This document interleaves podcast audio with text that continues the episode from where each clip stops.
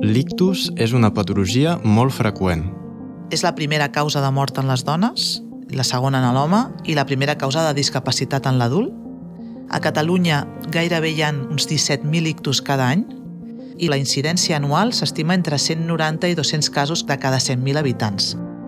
Les dades preocupen, perquè un ictus no només pot portar a la mort, sinó que els afectats tenen unes seqüeles que els deixen discapacitats físiques o cognitives. Aquests afectats solen ser adults, però també es donen casos en nens o joves. A l'episodi d'avui farem un repàs de l'ictus i veurem alguns projectes que hi ha en marxa per fer-ne front. Umbri de Ciència, el podcast de ciència de l'Institut de Recerca Germans Trias i Pujol.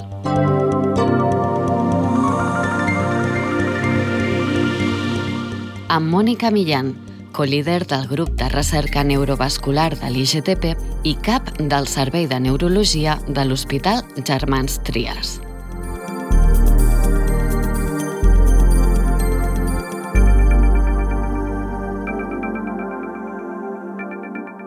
El lictus és una patologia en la qual es produeix una alteració en el funcionament d'una o de diverses parts del cervell a conseqüència d'un problema de la circulació cerebral. I el que el causa és justament el que fa que es diferenciïn dos tipus d'ictus.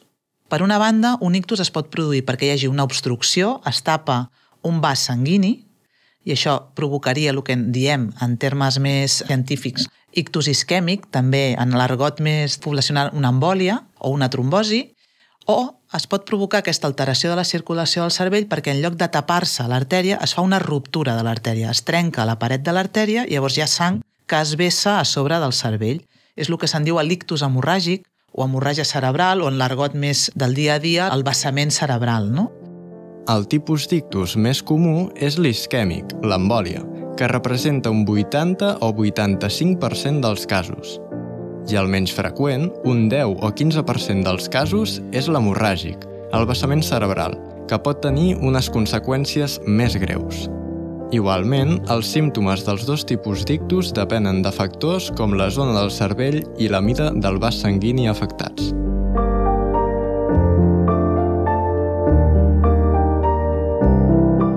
L'ictus és una cursa contra rellotge. Com més es triga a rebre una atenció especialitzada, menys oportunitats de millora hi ha. Quan es produeix l'obstrucció d'un vas cerebral, hi ha una zona del cervell en la que li falta irrigació, oxigen, glucosa, etc. I, per tant, hi ha una zona que li falta tot això, però una zona molt més petita en la que ja s'està produint, diguem-ne, la mort de totes les cèl·lules. Aquesta zona petita anirà creixent fins a ocupar tota aquesta zona que irriga aquest vas. Aquest temps entre la lesió petita fins que ja és de tota la zona que li falta el rec sanguini és molt variable, però diuen que inclús fins a 6 hores hi haurien persones en què hi hauria temps de poder actuar i poder limitar aquesta lesió. Aquest màxim de 6 hores, en el cas d'una embòlia, són crucials perquè hi hagi més possibilitats de millora del pacient. Llavors, és molt important que tothom sàpiga detectar un ictus, sigui l'afectat o no. Els símptomes són diversos, però gairebé sempre tindran un inici sobtat. Estic bé i en un segon començo a notar això, que és habitualment dificultat per parlar, debilitat d'un braç o d'una cama però del mateix cantó, a vegades pot ser que no notem la sensibilitat correctament, o en alguns casos, per exemple, també pot haver-hi la pèrdua de la visió d'un ull o, en casos ja molt puntuals, un mal de cap d'aquests que mai a la vida havies tingut, un mal de cap molt, molt, molt intens i que comença molt sobtadament. Si identifiques aquests símptomes i sospites d'un ictus, has de trucar ràpidament al 112. A vegades, l'afectat no es pot comunicar o està confós i cal que l'acompanyant ho faci. El servei d'emergències mèdiques et farà unes preguntes seguint l'escala ràpid. Quan ells detecten que amb aquesta escala se li diu que té un ràpid positiu, diuen que podria ser un ictus i és quan s'activa el codi ictus. Llavors, aquesta escala que es diu ràpid ve de la, del fast de l'anglès i ràpid és R de rigui, si quan rius torces la boca, és un dels símptomes, A d'aixequi, aixequi els braços, si no pots aixecar el braç de forma correcta, activa el SEM, La P de parli, si quan parles pronuncies malament o no et surten les paraules, podria ser un símptoma d'ictus. La I és ictus amb interrogant i la D de pressa. De pressa perquè quan et passi algun d'aquests símptomes o la combinació d'algun d'ells, ràpidament has d'activar el 112, el SEM, perquè et traslladi a l'hospital adient per atendre't amb aquesta sospita de codi ictus.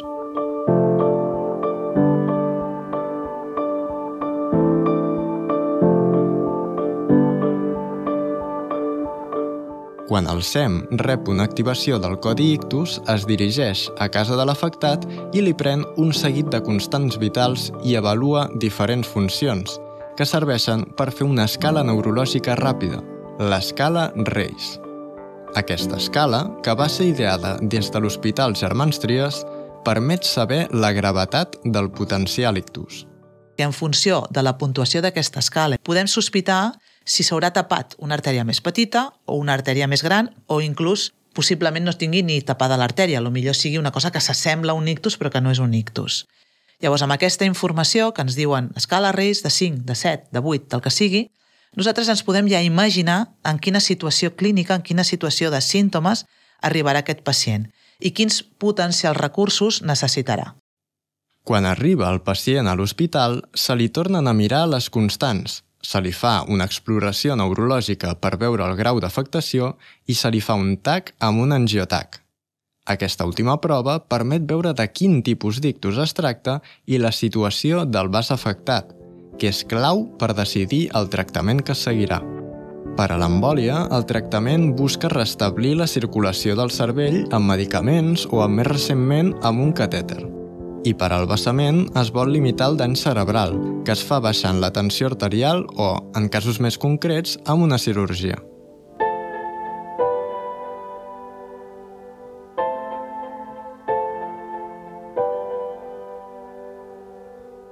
Ja sigui amb el TAC o amb proves posteriors, s'identifica la causa de l'ictus.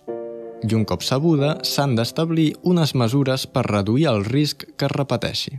La prevenció secundària lo fonamental és tenir un control dels factors de risc vasculars que sigui molt estricte. Llavors, l'edat és un factor de risc, això no ho podem modificar, però sí que n'hi ha molts de modificables. No? Per tant, el no fumar, el control estricte de la, de la hipertensió arterial. La hipertensió arterial és el factor de risc més potent per l'ictus. Així que, millor per la cardiopatia isquèmica pot ser el tabac o el colesterol, la hipertensió per l'ictus és el factor de risc més potent i que més hem de controlar en els dos subtipus d'ictus control del sucre, control del colesterol i dels triglicèrids, no tenir una vida sedentària, fer un exercici físic eh, moderat. Evidentment, aquesta és la base de reduir el risc que això torni a passar. Cal considerar tots aquests factors de risc i a la vegada és necessari tenir en compte les seqüeles que deixa un ictus. Seqüeles de mobilitat, però també de llenguatge, de dolor, de l'estat d'ànim o de comportament. En els últims anys hem aconseguit duplicar el percentatge de pacients que més o menys als 3 mesos, que és quan s'avalua no, la, la seqüela, poden fer una vida relativament autònoma. Es poden vestir, es poden menjar sols, poden caminar sols. El que en diem les activitats bàsiques no, de, la, de la vida diària. Llavors, això actualment pot ser un 40-45% de pacients arriben a aquesta situació. Però hi ha aquest altre 40-50% de pacients que queden amb algunes seqüeles jo crec que ara ens hem centrat durant uns anys molt en la fase aguda i probablement ara ens hem de centrar en millorar i veure com podem reduir i minimitzar totes aquestes seqüeles una mica més dilatades o demorables que apareixen i que potser no els hi hem donat tanta importància. En aquest sentit, l'equip de la Mònica, juntament amb el Servei de Rehabilitació i l'equip d'atenció primària, ha elaborat el projecte Camí, que és un circuit d'acompanyament del pacient després de l'alta hospitalària – per detectar complicacions de forma precoç i adequar els circuits per resoldre-les el més aviat possible. Estem desenvolupant línies de recerca de biomarcadors que ens ajudin a predir quins pacients acabaran desenvolupant una depressió, quins pacients acabaran desenvolupant millor una arrítmia que no hem detectat com a causa de l'ictus en el moment de l'ingrés, o quins pacients faran més aquest dolor neuropàtic molt invalidant que els hi molesta moltíssim a nivell de l'espatlla. I és un projecte que està ara molt embrionari, però que hi estem posant molts esforços, no només nosaltres, sinó que ens hem coordinat amb rehabilitació, amb atenció primària de la zona, perquè creiem que és una àrea on hi havia molta millora i que crec que tindrà una repercussió molt, molt important en, en la població, en les famílies i, i aquí ara ens estem pues, focalitzant en això.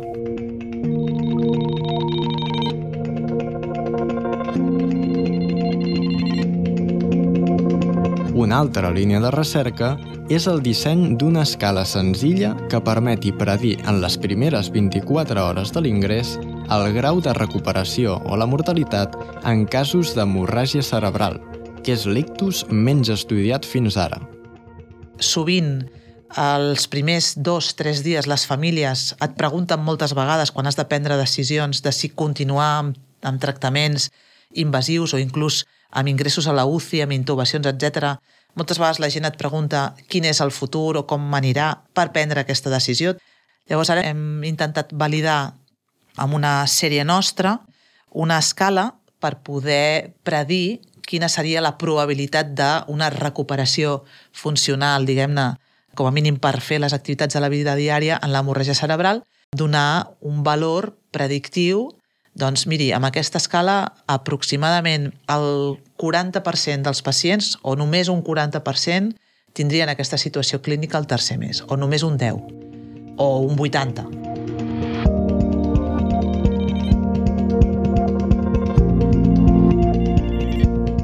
Altres projectes dels dos grups de recerca en ictus de l'IGTP inclouen un model d'ictus en un animal gran escales de diagnòstic de l'ictus al circuit prehospitalari o proves d'imatge amb noves seqüències que ens poden donar informació molt valuosa. El camp de les proves d'imatge en l'ictus és una àrea on hi ha molta recerca actualment. Un problema que tenim a vegades en l'ictus és que aproximadament un 30% de pacients no sabem l'hora a la qual ha començat això. Perquè passa durant la nit o perquè aquesta persona potser estava a casa, no hi havia cap testimoni, no? i ell no es pot comunicar ni dir-te en quin moment això ha iniciat. Amb la qual els tractaments aquests que tenim de lisis dels trombos tenen associat un risc de poder fer hemorràgies. Llavors, estan acotats a un temps des de l'inici dels símptomes, menys de 4 hores i mitja, etc. Aleshores, a través de les eh, proves de ressonància magnètica de softwares de perfusió, podem a vegades interpretar o identificar quina seria la teòrica, el teòric temps d'evolució que aquest pacient porta des de que han començat els símptomes. Resumint, l'ictus és un problema de salut complex i hi ha molts factors en joc. A diferència d'altres malalties, afecta a la vida del pacient després de l'hospital. És per això que la Mònica ha explicat aquest component tan important que és l'acompanyament del pacient en la fase posthospitalària. Igualment, el seu grup segueix fent molta recerca tant pel que fa al trasllat a l'hospital com a la fase aguda. Per acabar, ha volgut posar en valor la feina d'investigadors i clínics al campus de Can Ruti. El campus és molt divers, hi ha gent boníssima, molt puntera en molts àmbits i amb tot tipus de malalties, des del càncer, l'hematologia, les neurociències, les malalties minoritàries, vull dir que és un campus amb molt de potencial, molt divers. Crec que ha avançat, que ens estem posicionant, crec que de forma molt clara no? en, en tot el que és la recerca catalana estatal, inclús no? més allà de fronteres.